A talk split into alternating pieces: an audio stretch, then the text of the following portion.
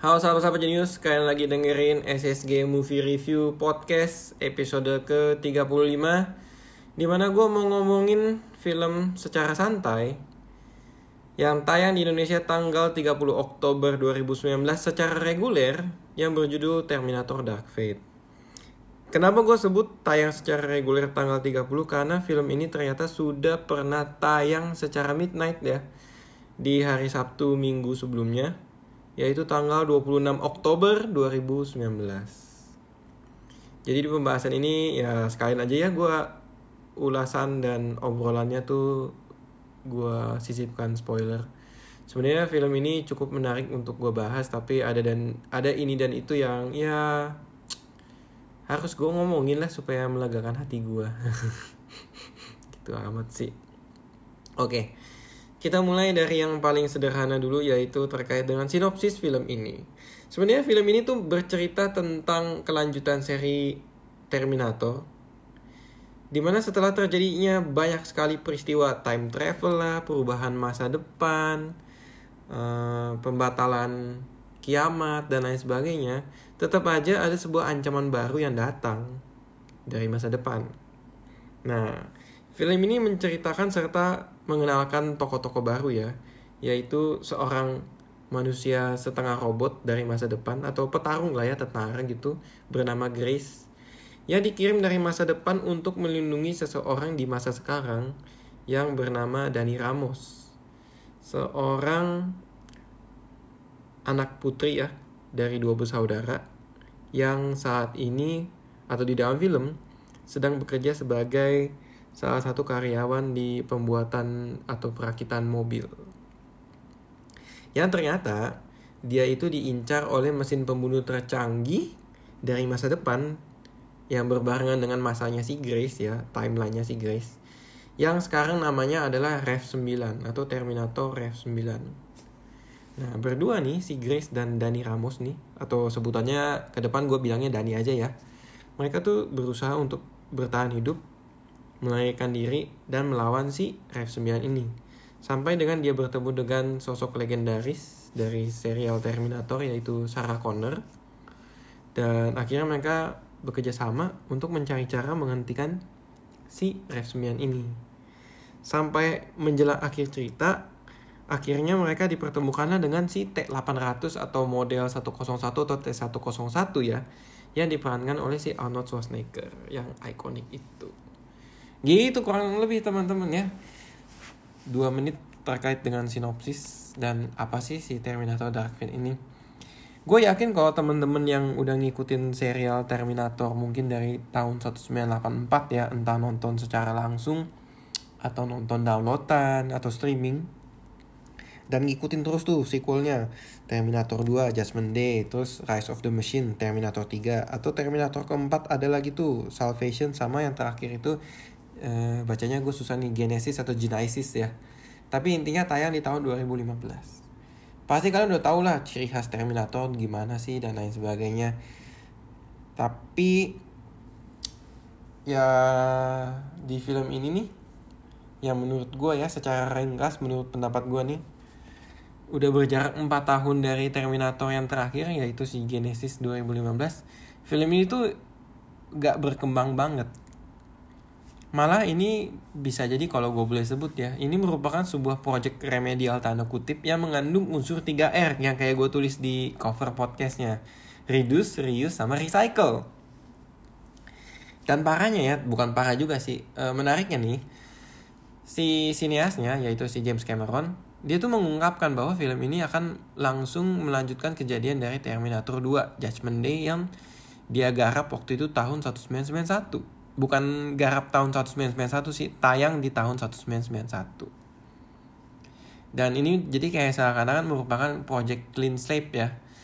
Uh, bersih-bersih total di mana film-film setelah Terminator Judgment Day jadi Terminator 3, Terminator 4 sama Terminator 5 nih si Genesis ini ya dianggap entah itu nggak ada atau sebenarnya kejadiannya itu adalah sebuah konsep alternate timeline Kenapa gue bilang remedial? Karena gue melihat film ini tuh punya upaya untuk mempercantik eksekusinya supaya lebih bagus daripada si Terminator Terminator setelah Judgment Day yang konon katanya sih. Dan gue lihat dari berbagai macam website review ya reviewnya tuh lama kelamaan tuh turun gitu. Dan gue rasa sebenarnya berhasil dari segi eksekusinya.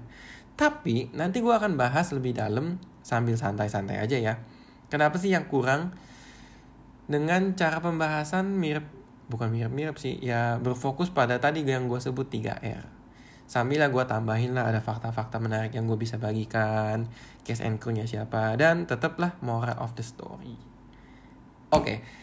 kita mulai dari yang pertama dulu ya biar lebih santai dan rileks terkait dengan case and crew-nya dulu. Jadi teman-teman film ini tuh mendatangkan si James Cameron kalau dulunya si James Cameron di beberapa film terakhir hanya berperan sebagai produser karena dia adalah Kickstarter ya kick off dari serial Terminator yang pertama 1984 terus ke 1991 terus dia ya cuma jadi produser. Sisanya ditangani oleh beberapa sutradara. Kali ini dia balik ke bangku sutradara. Dibantu oleh dan bekerja sama dengan Tim Miller. Tim Miller itu adalah orang di balik film Deadpool. Deadpool kan juga dari si ini ya. Apa? 20th Century Fox. Gitu. Nah terus kalau rumah produksinya ada siapa aja nih? Di sini ada Paramount Picture terus ada Skydance. Sama ya pasti yang tadi gue udah sebut 20 Century Fox. Nah kalau aktor aktrisnya ada siapa aja? Nah ini menarik nih sebenarnya teman-teman perpaduan aktor aktrisnya di sini tuh dia mendatangkan dua aktor senior lah ya yaitu Linda Hamilton sebagai Sarah Connor dan Arnold Schwarzenegger sebagai ya you know lah si Terminator atau T101 atau model 101 atau T800. Dan di sini dia menjadi sesosok Terminator yang memiliki ke, apa bawah sadar sendiri ya, self consciousness dan punya hati tanda kutip. Terus dia ya jadi suami orang. Wow, bernama Carl Terus kalau dari aktor aktris barunya ada juga kok. Salah satunya adalah si Mackenzie Davis berperan sebagai Grace yang tadi gue sebut. Terus ada Natalia Reyes yang berperan sebagai Dania, Dani Ramos. Terus ada saudaranya Diego Ramos yang diperankan oleh Diego Boneta. Terus ada juga si sosok antagonis utamanya ya. Mana sih ini catatan gue? Diego Luna ya kalau nggak salah ya namanya. Eh Daniel Luna ya? Aduh kok gua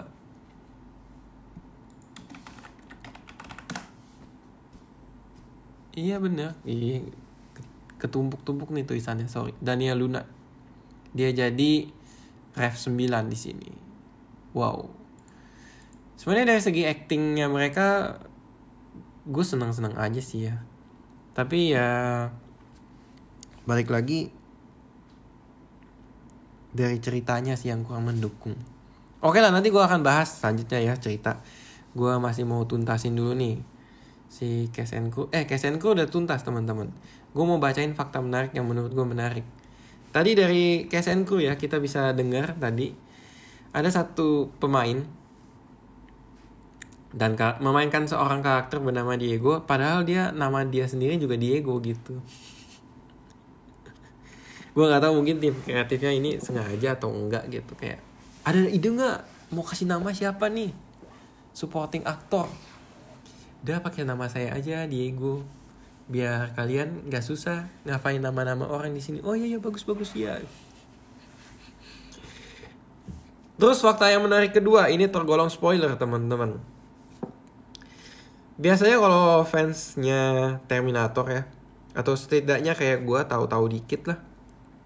Gue merhatiin tuh biasanya tuh ada satu adegan ada satu atau dua adegan di mana kalau Terminator yang diperankan oleh si Arnold Schwarzenegger itu tangannya tuh harus putus gitu. Entah kenapa ya. Di beberapa Terminator yang ada Arnold Schwarzeneggernya tuh biasanya tuh ya kepotong tangannya. Entah karena kecelakaan kah atau lagi berantem gitu ya. Atau kayak misalkan yang di Genesis tangannya tuh meleleh gitu karena karena acid larutan asam. Pada saat dia bertarung melawan T1000 ya kalau nggak salah yang cair deh pokoknya bentuknya. Terus fakta menarik ketiga yang bisa gue bagikan adalah ternyata teman-teman kalau di film-film sebelumnya kan ada Arnold Schwarzenegger versi muda ya beberapa kali. Itu double bodinya diperankan oleh Brad Azar namanya. Dia kayak stand double. Nah, di film ini juga mendatangkan lagi si Brad Azar sebagai T800 versi muda. Jadi kayak badannya pakai dia terus wajahnya ya diedit-edit dikit lah pakai komputer. Gitu. Oke oke, itu sekian fakta menariknya. Sekarang kita mulai masuk ke sesi obrolan santai yang gue sebut dengan istilah 3R, reduce, reuse, recycle. Sorry ya teman-teman, gue agak uh, kurang bersemangat nih. Karena gue lagi ngantuk. Enggak lah, bercanda lah. Aduh, gue kayak ya capek aja habis kerja kantor. Tapi gue tetap semangat kok kerjain podcast ini. Oke, kita mulai dari R yang pertama, reduce.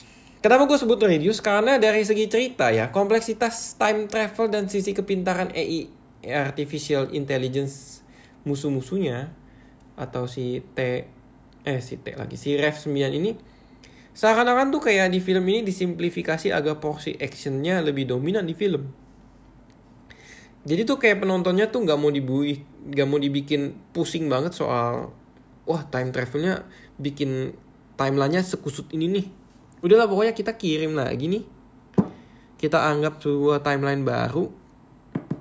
Terus ya udah kita tum tumpahin aja nih adegan actionnya banyak-banyak just just just apalagi pada saat adegan actionnya banyak dan ada banyak karakter building momennya ya kita tumpahin aja beberapa elemen yang penuh nostalgia dan lain sebagainya nah itulah mengapa gue bilang ya ada yang kedua nih reuse dan recycle Oke, kita lanjut ya. Kenapa gue sebut reuse dan recycle? Karena gue merasa di film ini tuh memang dari segi konsep ceritanya tuh mirip sama Terminator pendahulunya. Jadi kayak yang bikinnya tuh sengaja menggunakan ini dan itu buat nostalgia atau memang jangan-jangan dengan embel-embel nostalgia itu sebenarnya dia mau menutup-nutupi bahwa aduh gue udah bingung nih mau kembangin konsep ceritanya ke depannya seperti apa gitu.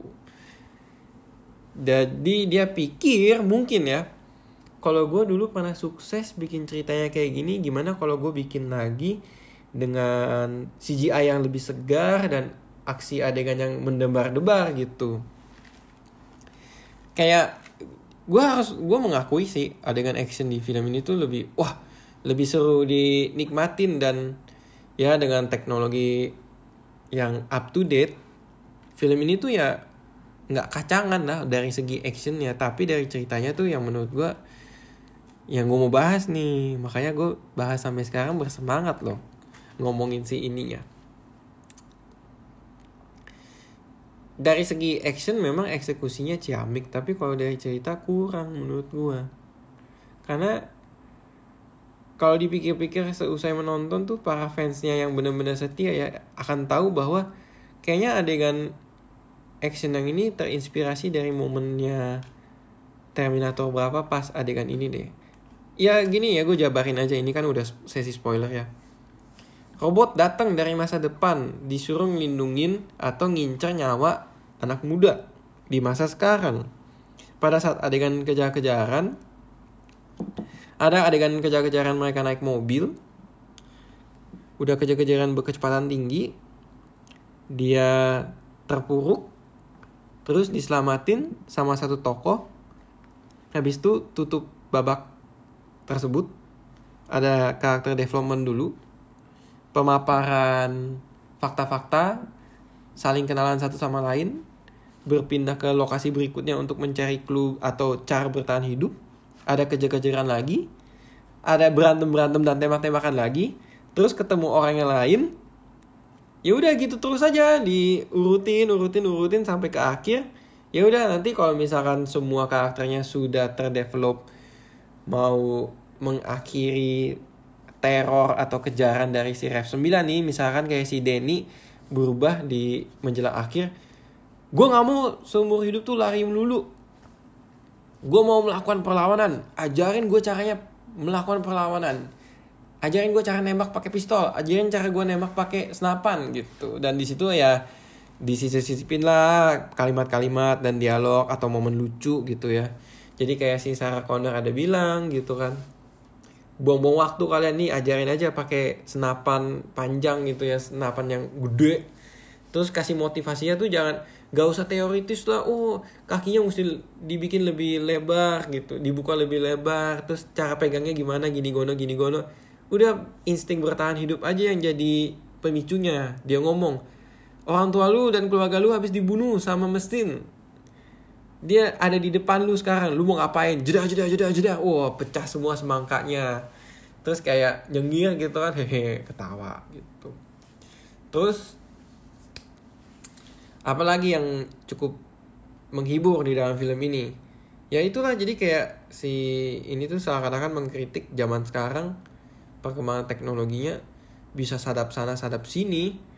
Jadi buang handphone atau satu handphone dimasukin ke dalam bungkus keripik yang ada aluminiumnya supaya nggak bisa kelacak. Eh ternyata bisa kelacak juga. Gitu. Jadi ya kalau misalkan kalian nonton ini untuk melepas stres karena kalian mau cari adegan actionnya oh bisa banget film ini untuk menemani akhir pekan kalian ya. Tapi kalau misalkan kalian ternyata mau mencari sebuah cerita apa yang baru nih dari Terminator? Kayaknya mungkin kalian akan berakhir kecewa dan lebih baik ditonton aja di hari biasa ya atau weekdays gitu. Karena ngomong jujur selain cerita ada hal lain yang cukup mengecewakan adalah sebenarnya di penulisan karakternya juga kurang sih. Actingnya bagus tapi pengembangan karakternya menurut gue kurang. Jadi kayak di sini si Sarah Connor itu ya bingung mau dikembangin kayak gimana lagi. Ini kan spoiler ya teman-teman. Jadi kayak dibikin ceritanya tuh sebuah timeline di mana si anaknya tuh dibikin meninggal dibunuh. Terus ya udah hidup dia jadi luntang lantung ya si Sarah Connor. Jadi pembunuh Terminator aja. Dari titik yang satu ke titik yang lain mengikuti sebuah message atau pesan terenkripsi ya. Pokoknya koordinat ini nanti akan muncul ada Terminator dibunuh ya gitu. Yang ternyata dimasukin plot twist yang mengirim pesan tersebut adalah si T800 yang sudah dapat epiphany bahwa oh iya ya gue mau mencari purpose gue sendiri yaitu melindungi orang lah memberi Sarah Connor sebuah tujuan hidup yaitu membantai Terminator. Itu tuh kayak momen itu gue hah? Kok pengembangan dan setup karakternya gini amat ya? Dan justru ini agak menurut gue agak berbahaya karena men-set karakter seperti ini tuh kalau tidak dipersiapkan dengan baik dan tidak dipersiapkan juga momen-momen untuk menjelaskan sesuatu malah jadinya tuh banyak plot hole dan ada adegan ini dan itu yang klise jadinya. Gue gak mau jelasin deh ya plot hole-nya gimana karena takut mengurangi rasa penasaran kalian terhadap film ini. Uh, kalau misalnya gue jelasin pasti panjang lebar nih jadi udahlah ya kita skip dulu ya. Semoga kalian nonton dulu. Mungkin kalian yang udah nonton paham oh iya ya memang plot hole-nya tuh di soal bagaimana cara mereka berketemu bareng-bareng berempat nih gitu. Itu kuncinya ya gue cuman kasih tis doang. Oke lanjut ke karakter lainnya. Nah sebenarnya yang gue senang dari film ini adalah mendatangkan karakter baru si Grace dan Danny gitu. Ya walaupun memang mereka kan sosok wanita ya dua-duanya ya. Tapi tuh ini merupakan kedua karakter ini kalau gue boleh spoiler ini tuh merupakan cerminan dari karakter-karakter sebelumnya yaitu si Kyle Reese dan John Connor gitu. Bedanya adalah ya mereka perempuan mereka salah satunya sudah menjadi cyborg setengah manusia gitu dan mereka tuh di umur yang muda sudah langsung cepat akil balik dan udah belajar pegang senjata gitu beda sama John Connor kalau di serial yang kedua sama yang ketiga ya Judgment Day sama Rise of the Machine. John Connor kan di situ kayak cupu banget gitu kayak masih ngandelin perlindungan orang lain dan ya nggak megang-megang senjata banget. Ya kan? Pokoknya intinya lari-lari-lari tapi kalau di sini nggak. Di sini tuh si Daninya tuh di flip ya udah kita set di akhir dia mau bertarung juga gitu tapi karena gue bilang tadi ya ada cerminan si Kyle Reese dan cerminan si John Connor gue tuh kayak di pertengahan film jadi merasa jangan-jangan nanti di ending tuh ya nasibnya tuh mirip-mirip dengan jagoan-jagoan pendahulunya Terminator dan which is ya kejadian gitu. Ya begitulah gue udah ngomongin ini 20 menit udah hampir habis sih Untung film ini tuh menampilkan adegan aksi yang cukup menegangkan dan memacu adrenalin ya teman-teman ya. Itu yang gue sebut-sebut dari tadi sebagai nilai jualan dari film ini. Tapi ya ada beberapa adegan action yang menurut gue tuh terlalu gimana banget ya. Fluid sih fluid ya, jadi kayak pergerakannya tuh koreografinya oke. Tapi tuh kayaknya kenapa sih gerakan antar tokohnya tuh beberapa tokoh di dalam film ini tuh harus lentur banget gitu. Terus dibantu dengan CGI supaya efeknya wah so keren gitu so cool gitu. Jadi kayak ya ampun mau lompat ke belakang mobil aja tuh mesti sap sap sap sap wah salto gitu kan.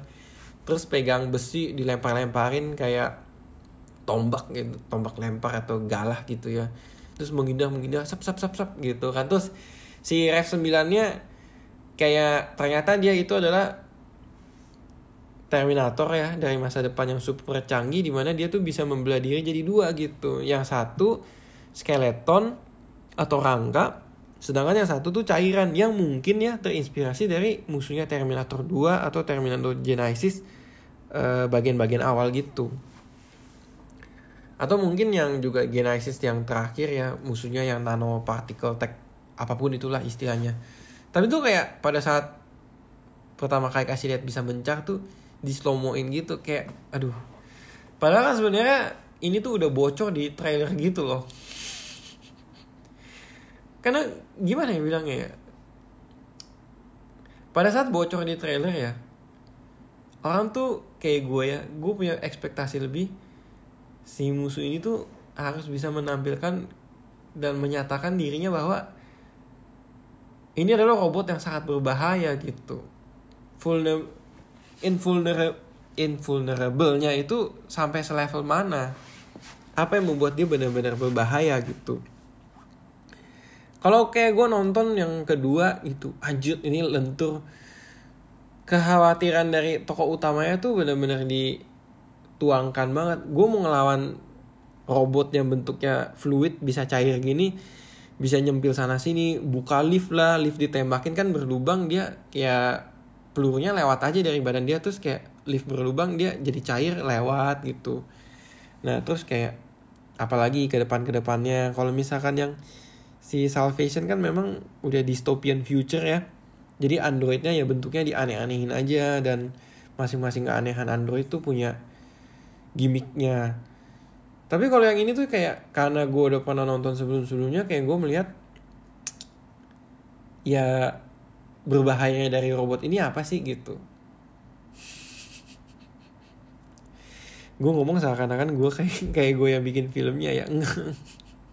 Nggak apa-apa lah ini pendapat gue ya. Gue nonton bayar kok. Gue kan berusaha menjelaskan ya apa yang mengganjal dan apa yang gue kurang suka. Ini kan istilahnya melatih gue untuk berpendapat dong. Oke lanjut. Jangan terlalu lama ngebanyolnya gue bingung sih gue sebelum ngepodcast baca-baca review orang lain dulu gitu ada yang ngomong CGI-nya kasar tapi ada juga yang ngomong halus gitu ya jadi gue simpulkan soal CGI itu selera penonton tapi gue harus akuin pada saat adegan aksi bertengkar gitu ya koreografinya cukup asik untuk ditonton sampai gue lupa waktu. Weh ternyata udah jam segini aja nih gitu. Filmnya kan dua jaman ya gue udah lupa waktu aja tuh setiap kayak ada adegan pertarungan-pertarungan dan lain sebagainya. Kalau masalah scoring dan pengambilan gambar lain ya mediocre dan cenderung baik lah ya. Wajar sih budgetnya gede. Gak usah ditanya lah kalau misalkan hal-hal yang kayak gini aja nggak diperhatiin banget ya keterlaluan mereka. Oke, sekarang kita harus lebih bersemangat lagi nih. Udah 25 menitan. Gue mau ngomongin soal yang seru nih terkait dengan film Terminator Dark Fate. Gue akan mengupas beberapa hal yang gue temukan yang berhubungan dengan Terminator-Terminator zaman dulu. Kalau dari trailer nih, yang paling sederhana, kita bisa menemukan kalimat ikonik dari Terminator yaitu I'll be back. Tapi kali ini disebutkan atau dikatakan oleh si Sarah Connor. Nah menariknya, quote yang sama atau serupa lah ya bilangnya ya, dikatakan juga oleh si Arnold Schwarzenegger sebagai T-800, tapi dibalik nih, menjadi kalimat negasinya, I won't be back gitu, aku tidak akan kembali. Mungkin juga ya teman-teman ini menandakan bahwa franchise ini tuh mau ditutup. Jadi kayak mau kasih tahu, gue udah nggak ini lagi, nggak akan baik lagi gitu. Karena ngomong jujur ya, sekaligus fakta nih, si Arnold Schwarzenegger tuh berperan sebagai T-800 di film ini tuh udah umur 71. Sedangkan pada saat dia pertama kali main Terminator tuh umur 36 coy. Jadi tuh lu bisa hitung gak sih? Udah berapa tahun dia melakoni peran sebagai menjaga badan dia ya untuk supaya bisa berperan sebagai si T800 lagi ini. Hampir hampir sejumlah umur hidupnya umur hidupnya saat dua kali umur hidupnya saat dia pertama kali main Terminator dong ya nggak sih kan tua banget ya kadang kan orang kalau udah ketuaan tuh ya harus kenal kapan pensiun lah. Dan ditutup dengan keren sih gitu. Istilahnya ya enough is enough. Oke lanjut. Terus ada quote menarik juga yang cukup menarik ya yang gue rasa rasanya cukup familiar dengan quotes quotes atau dialog film-film Terminator sebelumnya yaitu come with me if you wanna live gitu ya. Ikut saya kalau kamu mau hidup. Tapi kalau di sini tuh agak di ya di twist twist dikit ya kalimatnya. Ini jadi kayak bilangnya ikut gua kalau nggak lu bisa meninggal dalam waktu 30 detik ke depan. Gitu. Terus ada lagi yang lain nih si T800 dia kan memang Terminator yang tanda kutip old but not obsolete. Jadi tuh memang gestur dia tuh kayak lucu aja. Emotionless wajah polos gitu ya berusaha untuk menjadi manusia dan memiliki emosi terus kayak ngomong saya punya probabilitasnya gini gini gini gini gini gitu. Apalagi yang adegan kayak kasih lihat wah dia nyimpen banyak senjata gitu ya dan senjata old school ya mungkin dia mau ngikutin kayak Rambo 5 gitu ya. Oh kayaknya Rambo 5 tuh enak ditonton sama orang kalau misalnya senjatanya senjata nggak terlalu modern banget gitu. Dan di sini tuh kayak si Arnold Schwarzenegger-nya tuh ada kayak ngomong iya gue mesti siap-siapin ini semua untuk ngelindungin keluarga gue karena gue hitung ada probabilitas di mana orang-orang tuh in the near future bisa aja jadi go riot gitu atau ya bertengkar satu sama lain gitu. Wis. Ya lucu juga ya. Kayak maksudnya mungkin ini menyindir sosial yang terjadi zaman sekarang gak sih? Dikit-dikit ngambekan, dikit-dikit marah, dikit-dikit terjadi ketidakperdamaian gitu. Jadi ya kalau mau ngelindungin orang yang dicintai, ya harus siap berperang gitu.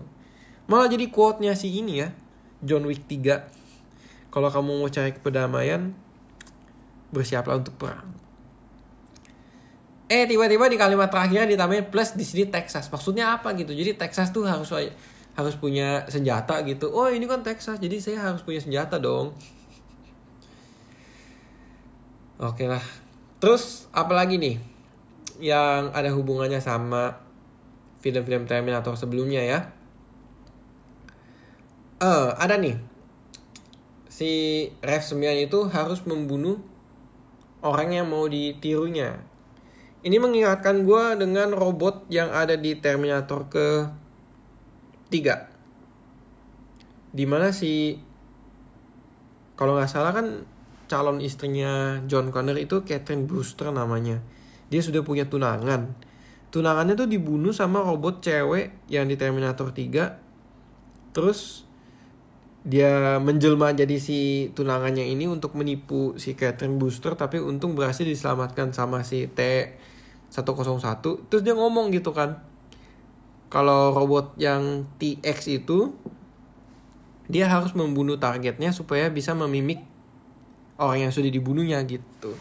Dan di sini tuh kayak dijelasin singkat gue jadi keinget aja oh iya ya ini mirip Terminator 3 nih. Musuhnya mesti bunuh targetnya supaya bisa jadi menjelma targetnya. Terus ada istilah uh, infiltrator gitu. Jadi si Sarah Connor kan ada dendam sama T800 ya di sini karena dia yang bunuh si John Connor atau anaknya. Terus tapi ternyata dia seiring berjalannya waktu eh, 20 tahun lamanya sudah berubah jadi ya tanda kutip menyesal dan mau bantuin dia gitu. Tapi pada saat berdebat dan lain sebagainya si Sarah Connor mencak-mencak dia ini adalah infiltrator gitu. Infiltrator tuh dia menyusup ya berpura-pura seakan-akan manusiawi supaya manusia percaya gitu. Ini tuh mengingatkan gua sama konsep yang dikenalkan di Terminator Salvation. Di mana kan kalau di Terminator Salvation ada ternyata cyborg setengah manusia yaitu si Marcus Wright yang diperankan oleh Sam Worthington. Gue suka sih Sam Worthington ya perannya. Kalau di film-film ikonik cara teriak dia tuh khas gitu. gue gak bisa tiru tapi kayak ya kalau lu nonton ya pasti paham deh. Sama Sam Worthington itu ini ya tambahan sedikit ya. Mengenai si aktor Sam Worthington. Dulu gue main game Call of Duty ya. Dia pernah isi suaranya gitu jadi kayak uh, dan gue suka banget sama Call of Duty itu. Gue mainin kayak terdengar aja suara-suara dia gitu. Oke lanjut. Ini baik lagi ke Terminator biar nggak ke mana-mana ya. Kacamata hitam teman-teman. Kacamata hitam kan memang sangat terkenal ya di kalangan Terminator apalagi si Arnold Schwarzenegger gitu. Kayak di sini ditampilin dia mau ambil kacamata hitam terus eh nggak jadi gitu. Lucu aja. Dan pada saat gue nonton ya gue kayak denger ada bisikan-bisikan orang ya nggak dipakai kecewa gitu. Gak apa-apa. Ya namanya trivia doang kan. Sama mungkin ini terakhirnya sekalian menuju penutup pertarungan terakhirnya tuh ya melawan musuh terakhirnya dengan cara yang sudah pernah terjadi di film-film sebelumnya.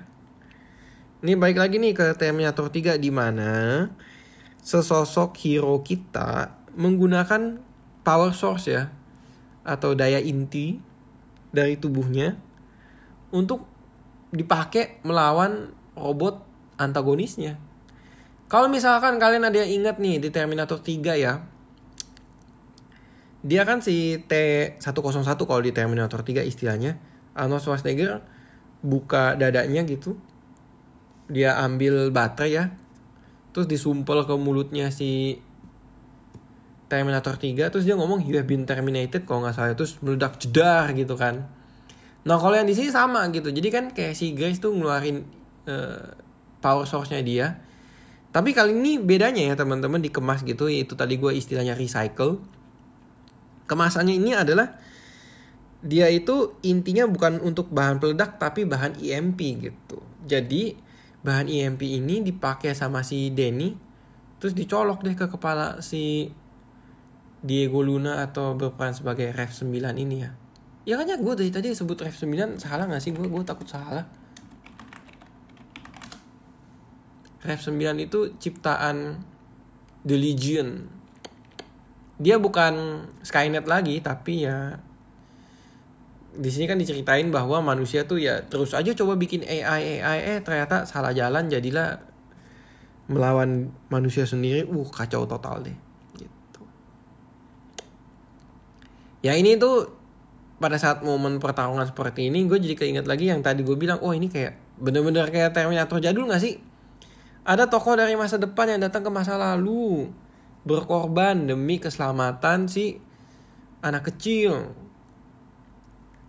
Kalau misalkan Terminator 1 kan Kyle Reese tuh mengorbankan dirinya supaya Sarah Connor bisa selamat. Satu kan. Terus uh, pakai inti untuk ngelawan. Ya gitulah ya, jantung. Atau ini mirip juga sama si Marcus Wright di Terminator Salvation di mana dia memberikan jantungnya cangkok jantung ke si John Connor. Karena John Connor tuh terluka parah gitu jantungnya rusak. nggak tahu deh.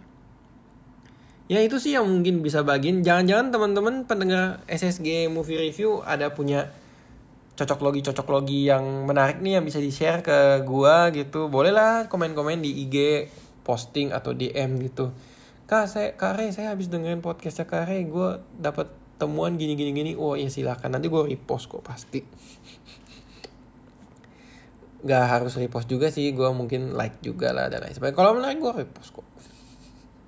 Apaan sih? Udah ngemis nuntut lagi. Menjanjikan sesuatu yang tidak bisa dijanjikan. Nggak tau ya gue lihat dulu nih. Pendengar gue ada nggak ya di episode ini? Mudah-mudahan ada santai lah ya. Apalagi sih yang bisa gue share dari film ini?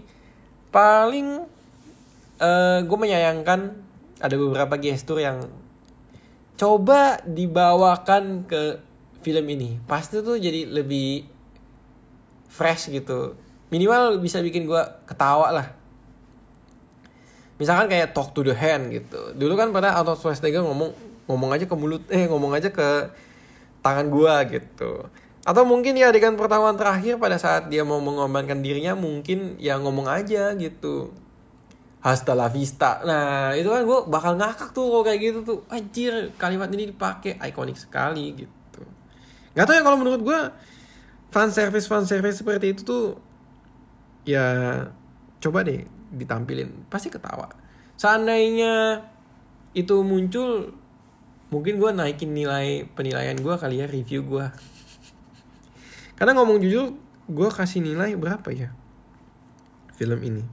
67 lah ya. Dari segi ceritanya tuh mirip banget gitu kayak ya nggak berkembang sama sekali dan lain sebagainya. Seandainya dia masukin unsur-unsur nostalgia ya udah sekalian tumpahin aja yang lain sebanyak-banyaknya gitu. Mungkin gue bisa mendongkrak nilainya. Nggak tahu deh oke lah ya ini udah 37 menit lebih dalam detik ya maksudnya lebihnya. Gue akan berpindah ke moral. Moral of the story di film ini tuh ya apa ya karena sangat sederhana filmnya jadilah orang yang mengatur nasibnya sendiri gitu. Be the one who control your own fate. Sama seperti yang dilakukan oleh si Dani. Gue yakin sebenarnya menurut gue ya ini pandangan gue sih di akhir film tuh masa depan ya berubah lagi gitu. Dan harapannya ya udahlah. Mungkin gue udah jenuh sama franchise ini jadi kalau misalkan udah ada ending seperti itu ya udah tok gak usah dilanjutin atau dianeh-anehin lagi. Tapi kan ya namanya orang berkarya ya gue nggak bisa nuntut dong. Kalau misalkan dia berkarya lagi tapi bisa menjanjikan sesuatu yang lebih segar dan gue ya tertarik gitu mungkin gue tonton. I don't know kita kan nggak pernah tahu di masa depan seperti apa karena moral itu tadi kita yang menentukan destiny kita sendiri kita yang menentukan fate kita sendiri Oke? Okay? Kalau ditanya lagi nih, jadi rekomendasi nggak sih ini filmnya? Ya rekomendasi untuk weekdays. Kalau weekend ya, kalau kalian fans banget sejak dulu, gak apa-apa lah, tonton lah. Biar bioskop rame di akhir pekan. Oke? Okay? Yaudah sekian dari gue ya, udah mau gue tutup nih. Sampai jumpa di episode berikutnya. Terima kasih bagi teman-teman yang udah dengerin sampai dengan episode sekarang. Mungkin dalam waktu dekat gue akan mereview film Love for Sale 2. Karena sebenarnya gue udah abis nonton juga sih, tapi gue lagi jadwalin kapan gue bisa rekaman. Yaudah ya. Sekian dari gue, semoga kalian yang mendengarkan podcast ini kalau yang mau tidur diberkahi dengan mimpi indah, kalau yang mau beraktivitas, aktivitasnya jadi lebih semangat. Oke? Dadah.